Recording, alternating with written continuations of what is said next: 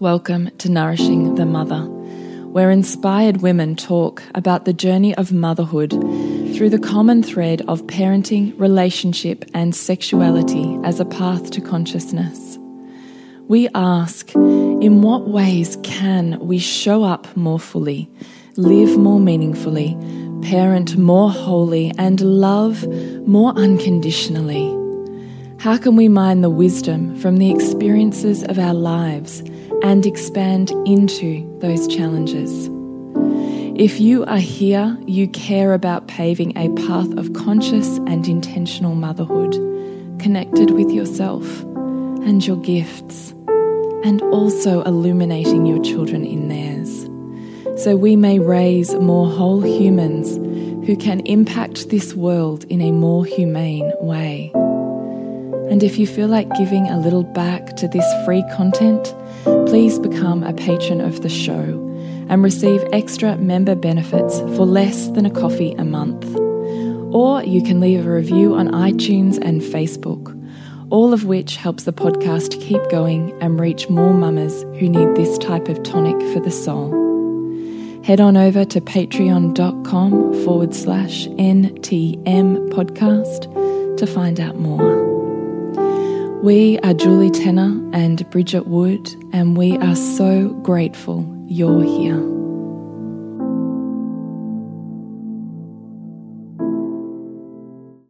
Hello and welcome to Nourishing the Mother. I am Julie Tenner and I hope Bridget Wood is joining us, but in this world of, you know, the ether and the internet, let's hope she makes it here. So if not though, I want you to know that we are joined today by the beautiful Jill from Born Wise. And if you caught our Facebook Live with her or you're in Soul Driven Motherhood, you'll know exactly who she is. So we have brought her onto the podcast to have just a really mum to mum conversation around what her journey with three children um, has been of homeschooling and the difference between homeschool and school at home, which I was largely unaware of that difference up until probably this last week. And it's brought up an enormous amount of conflict internally within me and many questions that I didn't know I actually even had. So that's why we really wanted to have this conversation really as medicine for Bridget and I. And we also know that if it's happening for us, it's likely happening for our listeners too. So Jill, just want to say hi. And then I just want to talk about our podcast sponsor. And then I'm going to chat to you. Are you okay with that? Yeah, of course. Yeah. Hello, everyone. so our podcast is sponsored by Spacemaker Wardrobes. So spacemakerwardrobes.com.au. They are a DIY flat pack design for any space that you have with mirrored doors. So if you're in our Seek More group, you can see I'm sitting in a bedroom that has now a beautiful mirrored wardrobe right behind it. And it has been phenomenal in the setup of organization, which this is, if you ever had a time in your life where you're ready to clear the clutter and really make way for the next version of you and your family, then I absolutely believe that Spacemaker Wardrobes will be able to help you because it's a beautiful family run company and all Australian made.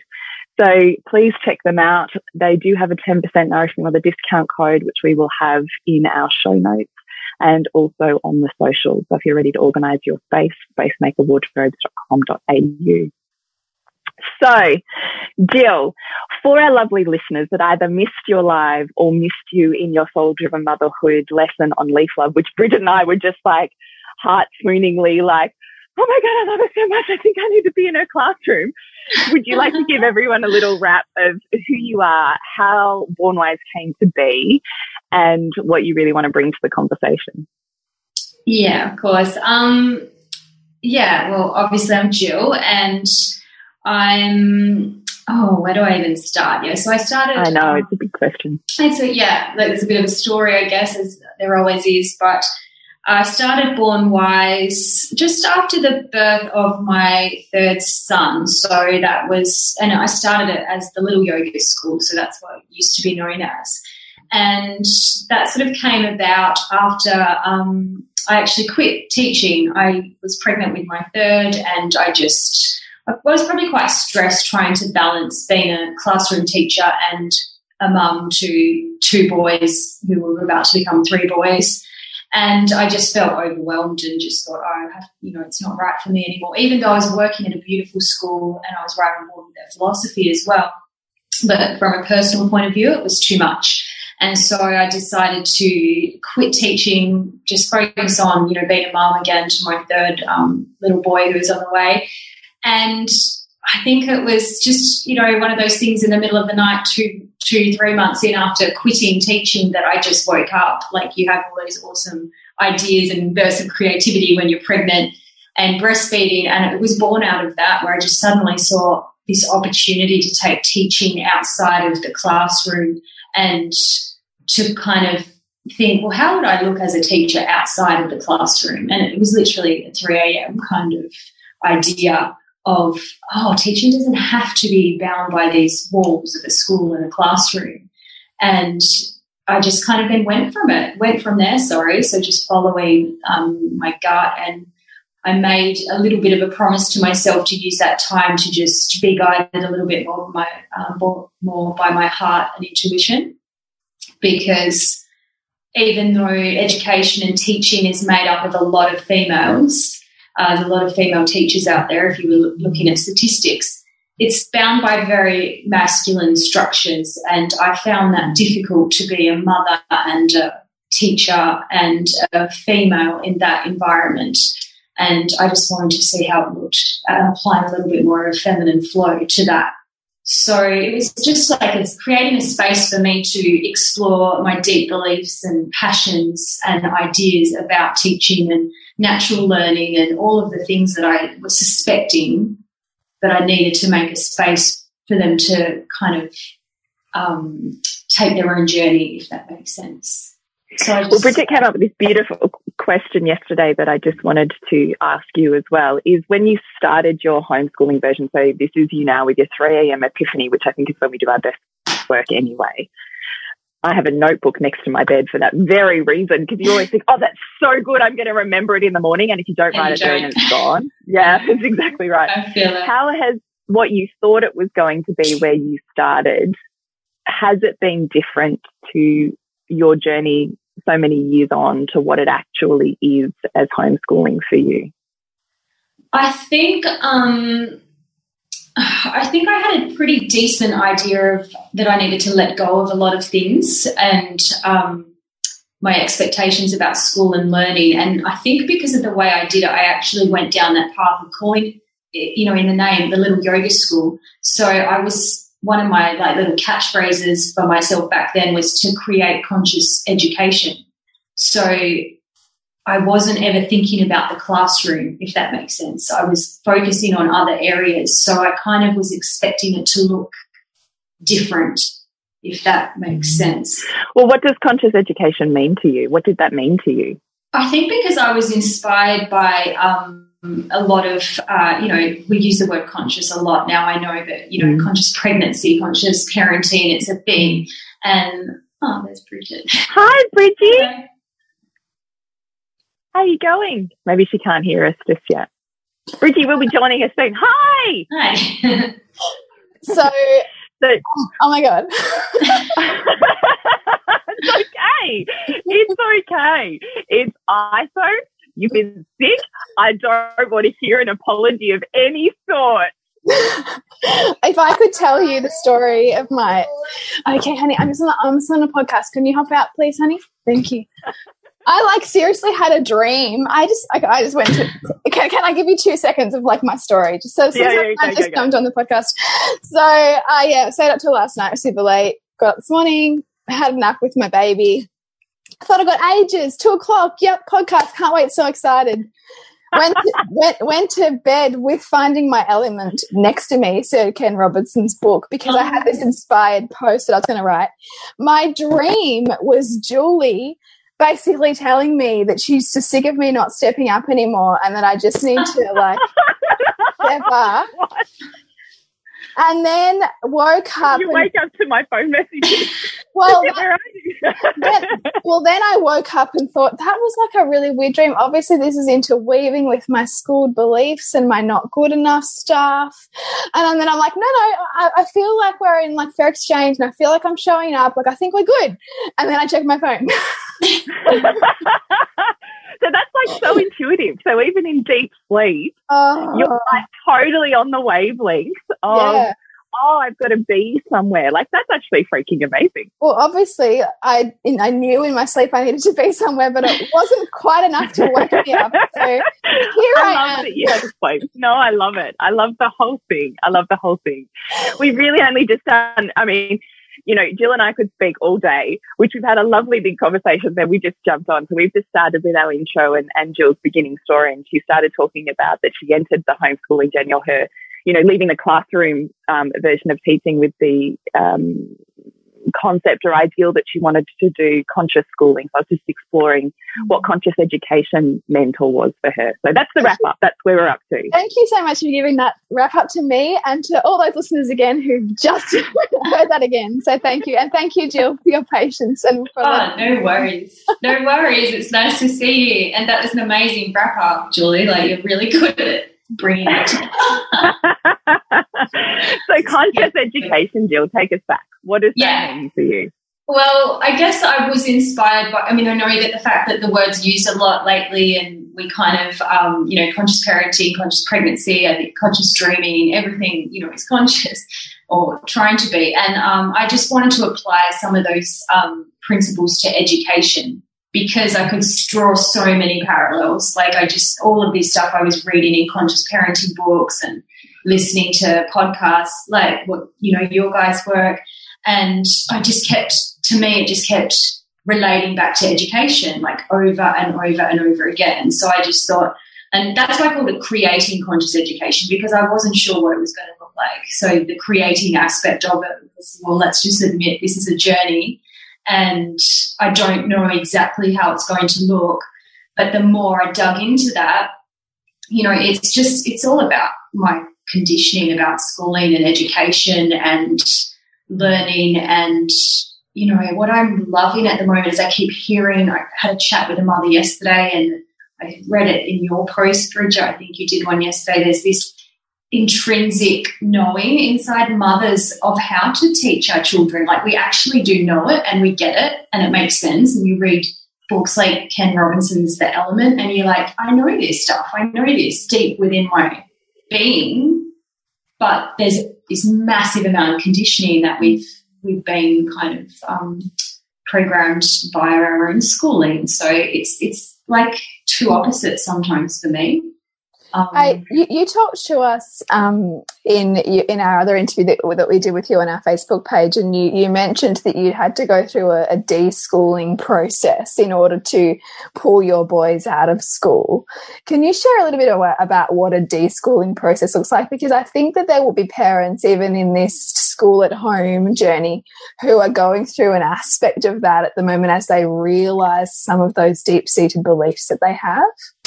Yeah, sure. Well, it's like I think it's they usually use that term more for for kids. You know, they say if you take your child out of school, there's a deschooling process, and there's actually even a number given to it, and I can't remember what that is, but it's something like a month for every year they were in schooling. So, um, you know, my my middle son had been in for a while, so the advice given to me was well, yeah, take a month for every year he's been in, and you do nothing for that time. Like you literally have to do all this unraveling. And I was doing that with him. And then I, I just had this, I had this kind of burst in, you know, like ideas coming to me of, or realization, sorry, that it's not really about his deschooling. It's so much about me because he, he quickly dropped into this new space. Like for him, you know, he was very happy and I could see him thriving, and it was myself who was struggling. And this was even after, you know, my philosophy being so deeply connected to conscious education and natural learning. And I just thought, wow, there's so much of the teacher, like classroom teacher in me that, have, that still thinks, well, if we're not sitting at a table and writing it all down, how is this learning? You know, and I knew that that didn't make sense. But these belief systems are so strong so that deschooling process, I, I don't know if it's commonly applied to the parent, um, but I definitely, it's like a whole family process for me. Like the children have had less conditioning, so it makes sense that it will take longer for us to deschool. Mm. And I, I guess. Just want to say, no, sorry, I was just going to say also this whole concept, like I know, Bridgie, you you have always been far more well read and versed in education and brain development and alternative education. And I thought I got that until this ISO experience. And I've realized over the course of the last two or three weeks, all of these missing pieces of information that I had, I just didn't, I thought I knew. And it turns out I really didn't know. And that homeschooling, I still thought meant was the same thing as school at home, like ultimately kind of the same thing. And I'm a pretty structured, you know, love order and, and, you know, drive person. I was like, well, that, you know, the school system would fit for me, but just at home. And so why would I choose to do that? Because the school can do what I can do and then I don't have to do it. So it seems like a really good fit until what I've noticed is, oh, when we like quit school, you know, eight days before everyone else chose or, or were forced into isolation, I designed my own homeschool program with my kids. And I thought it was going to be the same thing as school. And I like fucking loved it. Like everyone was in this love bomb. I was like ridiculously inspired. Like you think, how do you have time to do work? And I was like, it was like effortless because I was like, everything was just felt so fucking like fun. I was on ecstasy and cloud nine or something, you know, like I might as well have taken the happy pill. Like it was ridiculous. it was ridiculous. And I thought, oh, this, I'm like, I love ISO. This is like been the best gift in the whole world for me. So I assumed that it would continue to be that once online virtual school kicked in. And it has hmm. been the biggest shock to my system to realize it's the total opposite.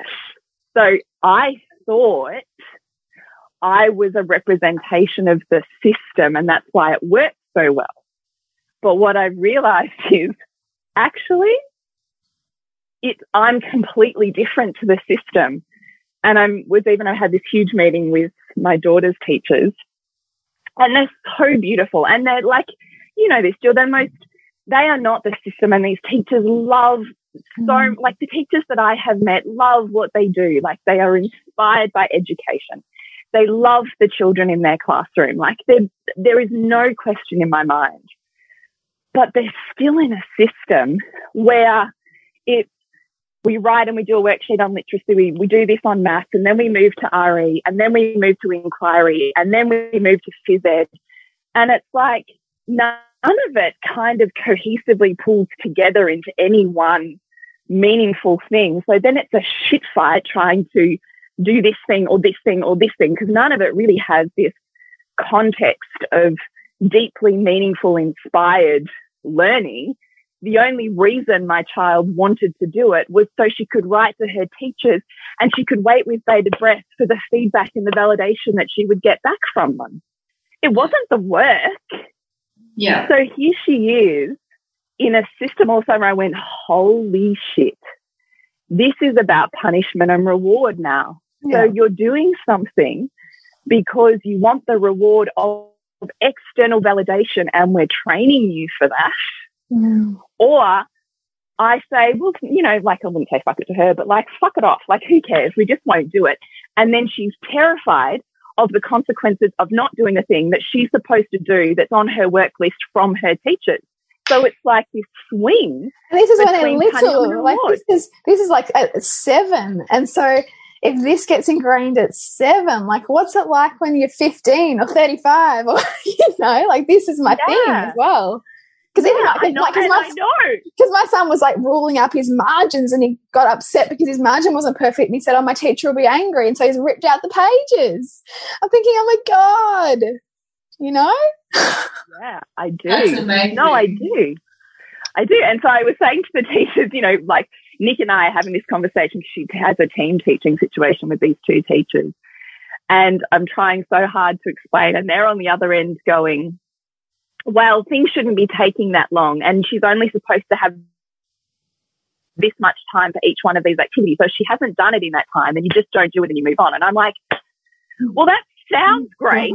But the minute I say to her, well, that's it, we're not finishing off, we go, I internally have a conflict with that because it is completely opposite to the way that I believe our neurobiology is designed to work, to function, to be in focus, to be immersed, to be creative, to fully experience life and play and everything you need to learn out of that thing, to short circuit it and go, you have to stop working now on that thing that you were into. Mm. I was like, it seems like ridiculous. And yet you're asking me to do that with her for everything because there's so much to get through in the day and none of it which has any level of cohesiveness. Anyway, so we had this huge conversation. I was like, oh my God, I don't know if I want to be in the system. And I literally said to her teachers, I just don't know that the system is for her.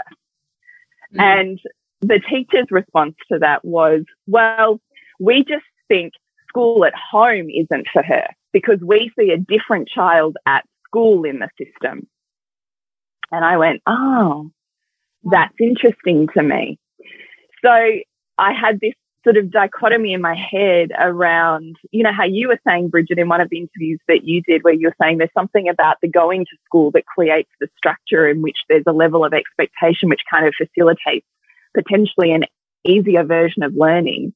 Whereas at home, trying to do that, there's the dynamics of parents, the different environment, it's a different setup. Maybe she's totally tapping into my internal conflict about, do I want to stay here?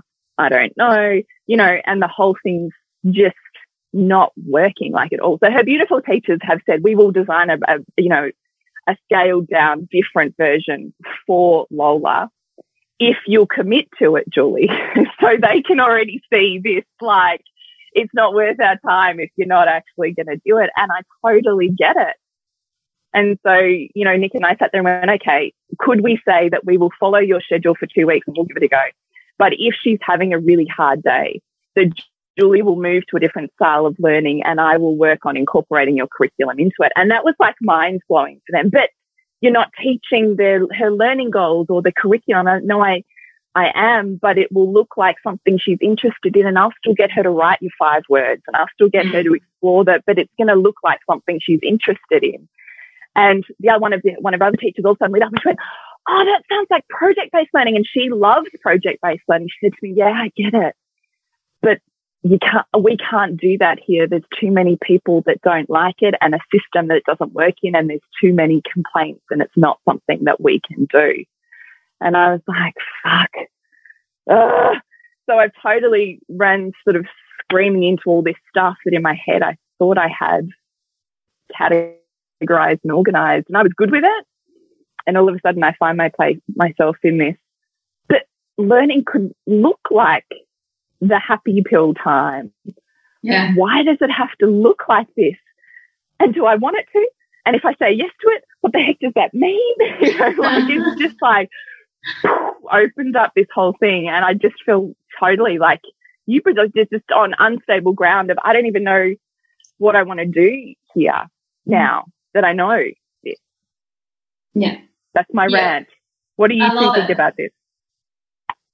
I love it and I relate and I it does feel like it, it is that sense of having the like carpet ripped out from under you and even reflecting on your own experience where you know I always said that I had a good experience at school I always said yeah it was a good experience and but then um, I, I was I worked with a mentor a few years ago and he said I was well behaved. He used that term, and I, I saw it. Um, I felt like that little, ah, oh, yeah, I am well behaved. You know, like gold star mm. for me. Like I had that moment with it, mm. and then I was reflecting on it I was driving home, and I was like, no, there's something about his tone of voice that wasn't a compliment. Like it, it wasn't. I it wasn't either. Um, you know, he wasn't trying to insult but it was an observation and I thought, well, yeah, I'd learnt pretty young and early on to be well behaved in the classroom because I could see the kids who weren't being well behaved and it wasn't looking good for them, you know. So um, yeah. I think I chose, I chose, well, I'm just going to get on board with this. It didn't really make much sense. So to have that moment, you know, like years and years later, thinking, I've always said I've had a good experience at school, and then looking into it and thinking, no, I just learned to be a people pleaser. Like I just learned to look outward for validation. And that was hugely confronting because then all of a sudden it made me see it happening to my kids where I wasn't even really seeing it happening. And yeah, so it, it is, it leaves you in this space of kind of just feeling like, um, yeah, the carpet's been taken out from underneath you because you're then going, well, what do I do with this newfound information? Do I want to know it or do I want to, is ignorance bliss? You know, do I want to go back to not even thinking about it? That's exactly where I am. Damn it. Damn the truth. yeah. It's frustrating. Where are you at? Where are you at with it, Bridgie? Where are you sitting with it? I'm still really conflicted because it's that thing, like what you're hinting at, Gillian. It's like, oh, like I get that, like you know, I see that I, that this is what it's turning out in my child, and and it's like I had a conversation with this prep teacher last year about their behavior management, and it was very rewards based. And he's like, "Oh, you know, but it works," and I said, "Yeah, like, but at what cost? Because what are our goals here? Because if I want to raise a whole child who you know, can see and appreciate all parts of themselves and they're being trained to be rewarded out of what you see as challenging behavior and that that's minimized in them and they don't learn to understand what that feedback is. You know, what's the cost of that? And so that's what I keep running into again when I see him, you know, tear out pages or when I see him say to him, oh, I'm done, I'm done at reading. Like, I'm the slowest in the class at this. I'm not good at it you know, and so already there's this internalized competition. I mean, it's this internalized, yeah. you know, sense of where he measures up against other people instead of just just focusing on what can I learn today, or you know, just just being taken. Well, not even thinking about something as learning, just being inspired by life and and being exposed to new things and you know it's so early the grading and the measurement happens and the tokens happen for you know and it seems innocuous but it's not at all like mm. you know and i can all compassion to classroom teachers because i can like my mum's a teacher so i'm also super school because my mum's a teacher right mm. so she gets offended when my son doesn't want to do his work like which is what happened the other day like it was a big bust up because she took it personally that he was mm. playing up like whereas i'm seeing all these other things going on and so where do I sit? I still sit in the same spot I sat, you know, like since he's entered education. But for me, and I would love to hear your perspective on this, Gillian, is I worry about my capacity to maintain what I see as a, a strong level of internal drive to be the responsible person for my child's education. And yeah. that's where I wonder, like, could I do that? And mm. what have you had to face within yourself or what beliefs have you had to to navigate or unpack for yourself around the taking on board that responsibility? Like at what point for you was the pain or what you're witnessing in your children great enough to tip you into the place of therefore taking over that responsibility to educate? Yeah, I mean, I relate so much to everything you're saying, and I sat in that space as well, and I'm, I'm still in that space I think for my middle son, he's the one who really um, kind of pushed me into it. You know, I was thinking for my younger son, I was like so ready to homeschool him, and I was thinking I had this time to build up to it because he's only two and a half. Um, but my middle son just he, he literally walked into the classroom one day or into the school grounds and then turned around and came out in tears. And I was like, oh, what you know, what's wrong? Did something happen? And he said, Nothing happened, nothing bad happens at school. I just don't want to be here. And I kind of, you had that heartbreaking moment. And we literally, you know, we were walking to school that day and I had no idea what we were going to do. So we just turned the pram around and, and walked off. And I kind of thought, oh my God, like all of my um, ideas and philosophies, I'm just going to have to step into them. So it was kind of like, just That sounds so courageous because you know I've had a lot of times with my son, and I wonder how much of it's me and how much of it's him. Where he's, you know, I've had to like coax him into the classroom crying because he doesn't want yeah, to be there, doesn't want to go. And then I like kind of like get frustrated and angry at the situation because I don't know how much of it's him and how much of it's me and how much is he waking me up to my truth and how much is it me trying to like get over this and own this, you know, schooling choice 100%, you know, like yeah. I imagine for you, there's also that process of of of the mirror in it too. Massively, and I think as well, not making long term decisions. So you know, I, I, I feel like, I mean, Julie and I spoke briefly before, it's like maybe they'll go to school next year, maybe if they make that choice, you know, they're 10 and 12, or they might, we might find some cool other programs that exist and things are starting to exist. Like, so mm. Hugo middle son is now he's doing a homeschooling program with an amazing teacher who's like me. He's left the classroom and doing her own thing in um, for, for homeschoolers. And he loves that. And I just see that as that little bit of balance because he needs time away from me and his brothers as well. Like they need to know who they are beyond the classroom and that social, the fact we learn through our peers. And he thrives in that environment. In for me, comparing it to what he was doing in the school system. Where I saw him in the assembly, you know, not long before he came out of school, and I saw him on stage, and I thought, oh, I don't even know who that kid is. Like he just looks like he has no idea why he's on stage. He has no idea what he's supposed to be singing, and you could tell he's just going through the motions with it. Mm. And I just, yeah, for me, it became then about well-being because I thought, you know, if he's anxious, he's not going to learn anyway, so let's just give it a shot. And I think taking down some of the kind of long-term oh, what could this mean long term? Just going day to day, let's just do this day to day. And if we go back into the system at some point, we do.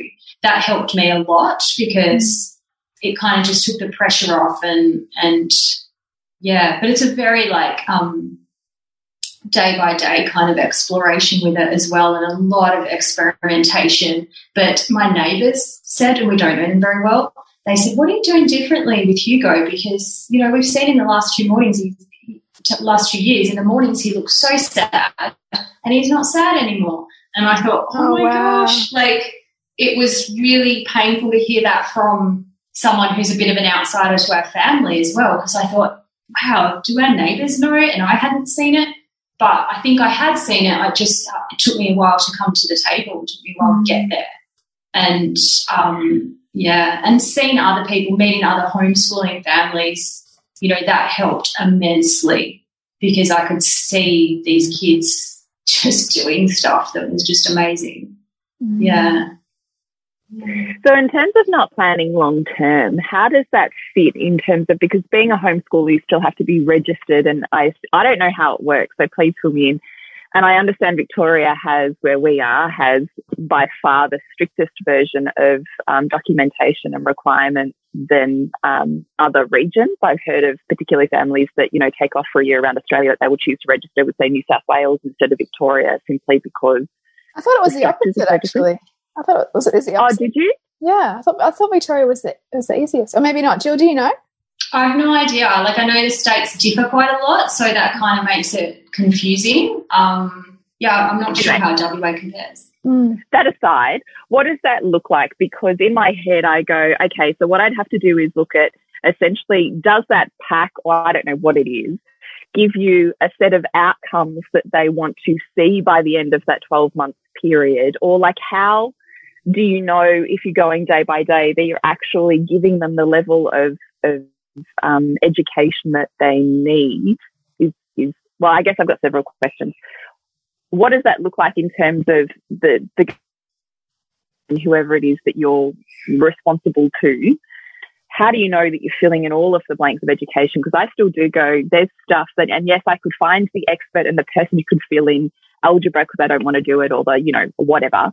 But when I look at particularly what my kids are doing in high school, it is primary school, honestly, I feel like that's pretty easy. I've been immersed in this culture and mm. community since my kids were tiny, you know, since Heath was at least one. So that's like 13 years ago. So the whole concept of primary school teaching doesn't bother me at all. I feel pretty effortless with that. By the time I get to grade six, I've had to have done it already. I know what they need to know by then. Sounds amazing. Sign me up. Yeah. But, but high school does feel like a completely different kettle of fish because I see what my kids do at high school and it is a completely different system to primary school and what they're exposed to. And given that teachers all of a sudden, there's not one teacher who has to, has to teach an entire curriculum, but there's teachers who specialize in each part of the curriculum. I go, fuck, I don't know if I could measure up to that. Like, I know I've just hit you up with a lot, but what do you think about all of that? Yeah, no, I get it because I felt the same with my eldest in high school. Like I felt early childhood years, I felt really comfortable with. Primary years, I was like, yeah, I get that. High school as well, I was like, oh man, like that. What does that really mean, and how does that look? Um, but I think because the world's changing, you know, with technology and everything, like it's literally. This is probably going to sound like a cop out, but like some of the stuff I've literally googled how you know he's got to learn about blah blah blah whatever's in the curriculum. I think um, animal animal adaptations or something. I always say that word wrong, but it was something. So I literally Googled like a year seven class for it, looked at it. So this is me really just trying to figure out, like, I'm sure there's a more efficient way of doing it. And looking, okay, what was the lesson plan? What did they actually want to teach? Like, what bit was actually the curriculum content? And how would we deliver that? So I'm actually including him with that process, if that makes mm-hmm. sense. So, because I, I just know that anything is learning. And for me, what I want them to to have most of all is that self-directed learning. So I just try to be really honest with him and say, I actually don't really know what this high school homeschooling looks like. Let's figure it out together. And he's quicker with it than me. And also there are so many online um, resources for the curriculum as well that if you were worried about that, you could you can look into it. But some of the curriculum is so um, general. So, can I just take you back to that? So, what is the pack or the curriculum or the whatever thing that you have to do with the government? What is that? Oh. What does that look like? What do you get? So blah blah blah. The, the Australian curriculum. So, um, the Australian national curriculum. So, there's just like it's you just can Google it and look through it and kind of follow along with it and just tick the boxes. Sorry, they're cutting in and out a bit.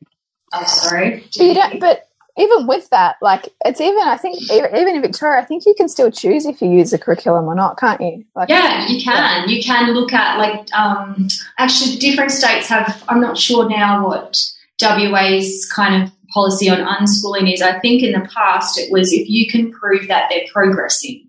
So if um, when you you have a moderator, if the if you've chosen to you know homeschool and be registered and all that sort of stuff so when the moderator comes out, you can talk your philosophy with them. And if you say, well, look, we have a natural learning philosophy in this household, they're more just looking to um, see that you actually are exploring some sort of learning, which obviously you can argue anything is, but there's some really simple things I guess I know of because of teaching background, like keeping a journal. I keep a journal of well, what did what did we do today, and I get them to write it. And it doesn't have to be neat and organized. Like it doesn't have to be um, you know, even as a classroom teacher, for me, my documentation was the messiest, scrappiest file of post notes and just random stuff. But it counts. It's it's more just they want to see that someone is tracking this learning and kind of um, making sure there's progress. I think that's what like the big thing is that they look for. But I actually I'm starting to find the high school curriculum actually a little bit easier to follow than the primary one because it is like, you know, when you, you're doing maths, you can just look at it and go, okay, what is it that they want him to be learning in this class? And there are so many online resources that we've kind of been looking at all these different online teachings and even like Khan Academy and things which mm. they, they sometimes like to use, sometimes don't. But it's good for me because even if he doesn't want to get on and do a Khan, Khan Academy lesson, I just look through and go, okay, what is it that they kind of want mm-hmm. want him to know? And um, yeah, so we do do that stuff as well. Like I do get them doing little programs that are provided online, but it's the fact that it's done so fast. So you know, I think that's one of the things is that if you've got 25 kids in the classroom and the teacher's trying to deliver the same maths content to 25 kids, um, whereas if it's just you delivering that content to your one or two children, it happens so much faster that sometimes you can almost think, was there any point in doing that? Did we actually need to? Like sometimes his lessons that I do with him are over in 15 minutes. And, and then I'm kind of left standing there going, oh, well, well what do we do now? you know, like it just, and for me, like English literature, I guess is a different example. To me, it's more that they just, you know, he, he likes reading. So that kind of helps because I think the best way to become you know, a great re- a great writer is to read. Yeah, like it's really. I know it sounds like I'm simplifying everything, but it is when I start breaking things down. My, I mean, my middle son, if he tries to do fractions um, in a workbook, he's got no idea, but he can cook and he mm. can measure three quarters of a cup because if it's got a practical application, he can he gets it. it. Whereas my eldest son, more like me, we, we learn via books and listening, and you know, so yeah, it's it's yeah. Do you? Yeah. I've heard. Some, I've heard some people talk about. Um, obviously, traditional schooling, you're at school for five, six hours, but homeschooling, you're often only technically schooling, I guess, for maybe two hours a day. Is that, Yeah. is that, is that, is that a common, um, Yeah. yeah? Yeah, totally. I think it's like for the early years, they say an hour a day to meet the school curriculum if you're following the curriculum. That's And unbelievable. then- It's blowing my mind. I know. And then it gets slightly more. But it makes so much sense because if you think about a school day, what else is admin? What else is behavior management? Behavior mon. Oh, it- right. Like I feel like if you've ever sat in a kid's classroom, which I have with all three of my kids, like half of the lesson is on behavior management. Oh my God. It can take like, you know, sometimes 20 minutes to get everyone sitting on the mat. And I remember for me, before I left teaching, I taught a yoga class to some adults. I'd only ever taught children yoga. And it just, I was so thrown by the fact that I sat down and everyone was looking at me. Like I didn't have to do any tricks to kind of like ring bells or like do all this stuff to get everyone on board. And I was like, oh my God, time's going to go really slowly if I don't have to, you, you know, but that was so deeply ingrained in me. And that was full on part of my job was just get everyone on the mat and listening. And you kind of end up going against your philosophy without, because there's no other way. Like if you've got 20 four year olds and you're trying to run through some sight words or whatever with them. Yeah, I reckon a lot of it does become about behaviour management. And it's hard because, like you said, there's so many teachers who have awesome ideas and are really inspiring and You really do. Yeah. but you're bound by so much stuff. And I used to think my the time with the kids, whereas actually it was a minimal part of my job. And you know, I didn't become a teacher because I liked administration. I'm actually really bad at it. My paperwork filing system was a disaster. but um, I did, felt like the kids were such a small amount of my work. And the rest of it was about filling out forms and sitting in long meetings and yeah, just kind of smoke and mirrors was what it seemed to feel like. And for me, Can I ask you a, mum question? Do you ever get in that point where Bridgie and I are, are sort of casting forwards and looking at an enormous amount of fear around will I be able to? And can I actually really do it? Or long term, am I going to fuck them up? Like, am I going to mm. leave these huge holes in their brains slash education slash way of understanding the world? Like, I'm not saying the education system has that nailed either by far, but it's a system that we're trained not to fear and simply Yeah. trust. yeah, So I get that. But as a mum, I'm still standing here going, I know that that's not perfect. I know I could apply all of these same fears to that system, which I don't because that's how I'm cultured. But do you ever get look ahead and go, I don't know, are you just, are you ever scared or worried about can you do it? Are you going to meet it all? What happens when you're scrambling and you don't know how to teach them or will you find the thing that they need? Or like, do you do any of that?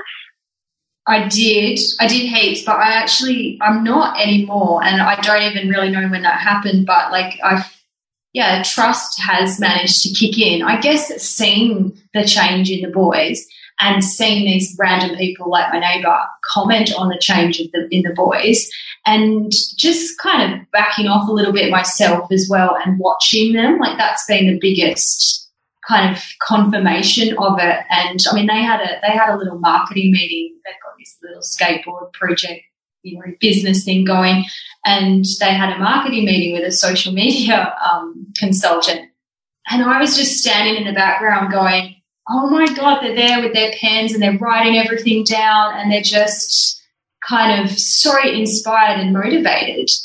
And it just that gave me this huge kind of just surge of trust as well because I thought, yeah, these are skills that maybe it took me so long to kind of, I don't know, learn some of these outside school things. And I can just see the benefits and I see it. Um, yeah, but that it's a huge process. Like that's math, you know, I've, I've been there where you guys are as well, just going, oh my God, is this, am I just going to completely make them into people who are so outside of the system they never fit?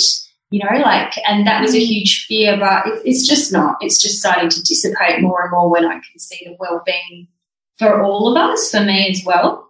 Um, It's it, to me, it sounds like the parallels for me around this and birth, and like birthing in the system versus birthing outside the system, and what it feels like to have come from a like you know my third baby. I didn't touch the system, and which ended up being a free birth by accident. But but that was a whole process of of massive like li li lifting the veil, I suppose. Yeah. And what what it sounds like for me, I don't know if you feel the same, Jules. Is like you're on the other side of what Jules and I have done around birth, Yeah. going. It's actually beautiful here. Yeah. Yeah. Yeah. It's kind of a relief. It's exactly like that. Like it's, you know, you so many parallels into other things as well when you just start seeing things differently. Mm. And um yeah, it's kind of fascinating to me, I guess. And then I'm immersing myself in reading stuff, like reading education philosophy and talk, you know, even like the posts that I see you guys doing and the other mums I talk to and just going, people know this, like people know it deeply inside of them. It's just getting back to it, I think. Yeah. So we're going to do a wrap up. To connect with you, Jill, where do we find you? How do we connect? Um, I've got so Facebook and Instagram at the moment are the main um, areas. I am slowly working on a website, but yeah, Facebook, um, Born Wise School, and Instagram as Born Wise. So I, I you know, can message me there and find out about things. Yeah. And we'll make sure we put all those links in our show notes as We well. will. And to connect with you, Bridgie, suburbansandcastles.com and you, Jules. thepleasurenutritionist.com. Remember to nourish the woman to rock the family. And we'll see you next week when we continue to peel back the layers on your mothering journey. And if you want to support Nourishing the Mother and all the late nights, the early mornings, the blood, sweat, and tears we pour into our art, then please go to patreon.com forward slash NTM podcast and become our patron. As a patron, you're helping all of the cost of operating this podcast, the hosting, the editing, the transcription, helping all of that be completely covered, and joining a community who are all about honouring our journeys and continuing to open. The more support we have, the longer we can last. So become a patron. We'd love to have you. Go to patreon.com forward slash NTM podcast. We literally couldn't do this without you. Thank you so much for listening, and please share this podcast with anyone you think it would be medicine for.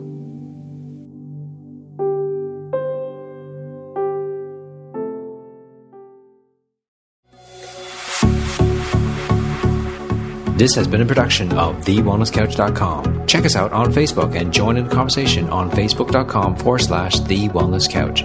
Subscribe to each show on iTunes and check us out on Twitter. The Wellness Couch, streaming wellness into your lives. Whilst the Wellness Couch presenter endeavor to provide accurate and helpful information to their listeners, these podcasts cannot take into account individual circumstances and are not intended to be a substitute for health and medical advice from a qualified health professional. You should always seek the advice of a qualified health professional before acting on any of the information provided by any of the Wellness Couch podcasts.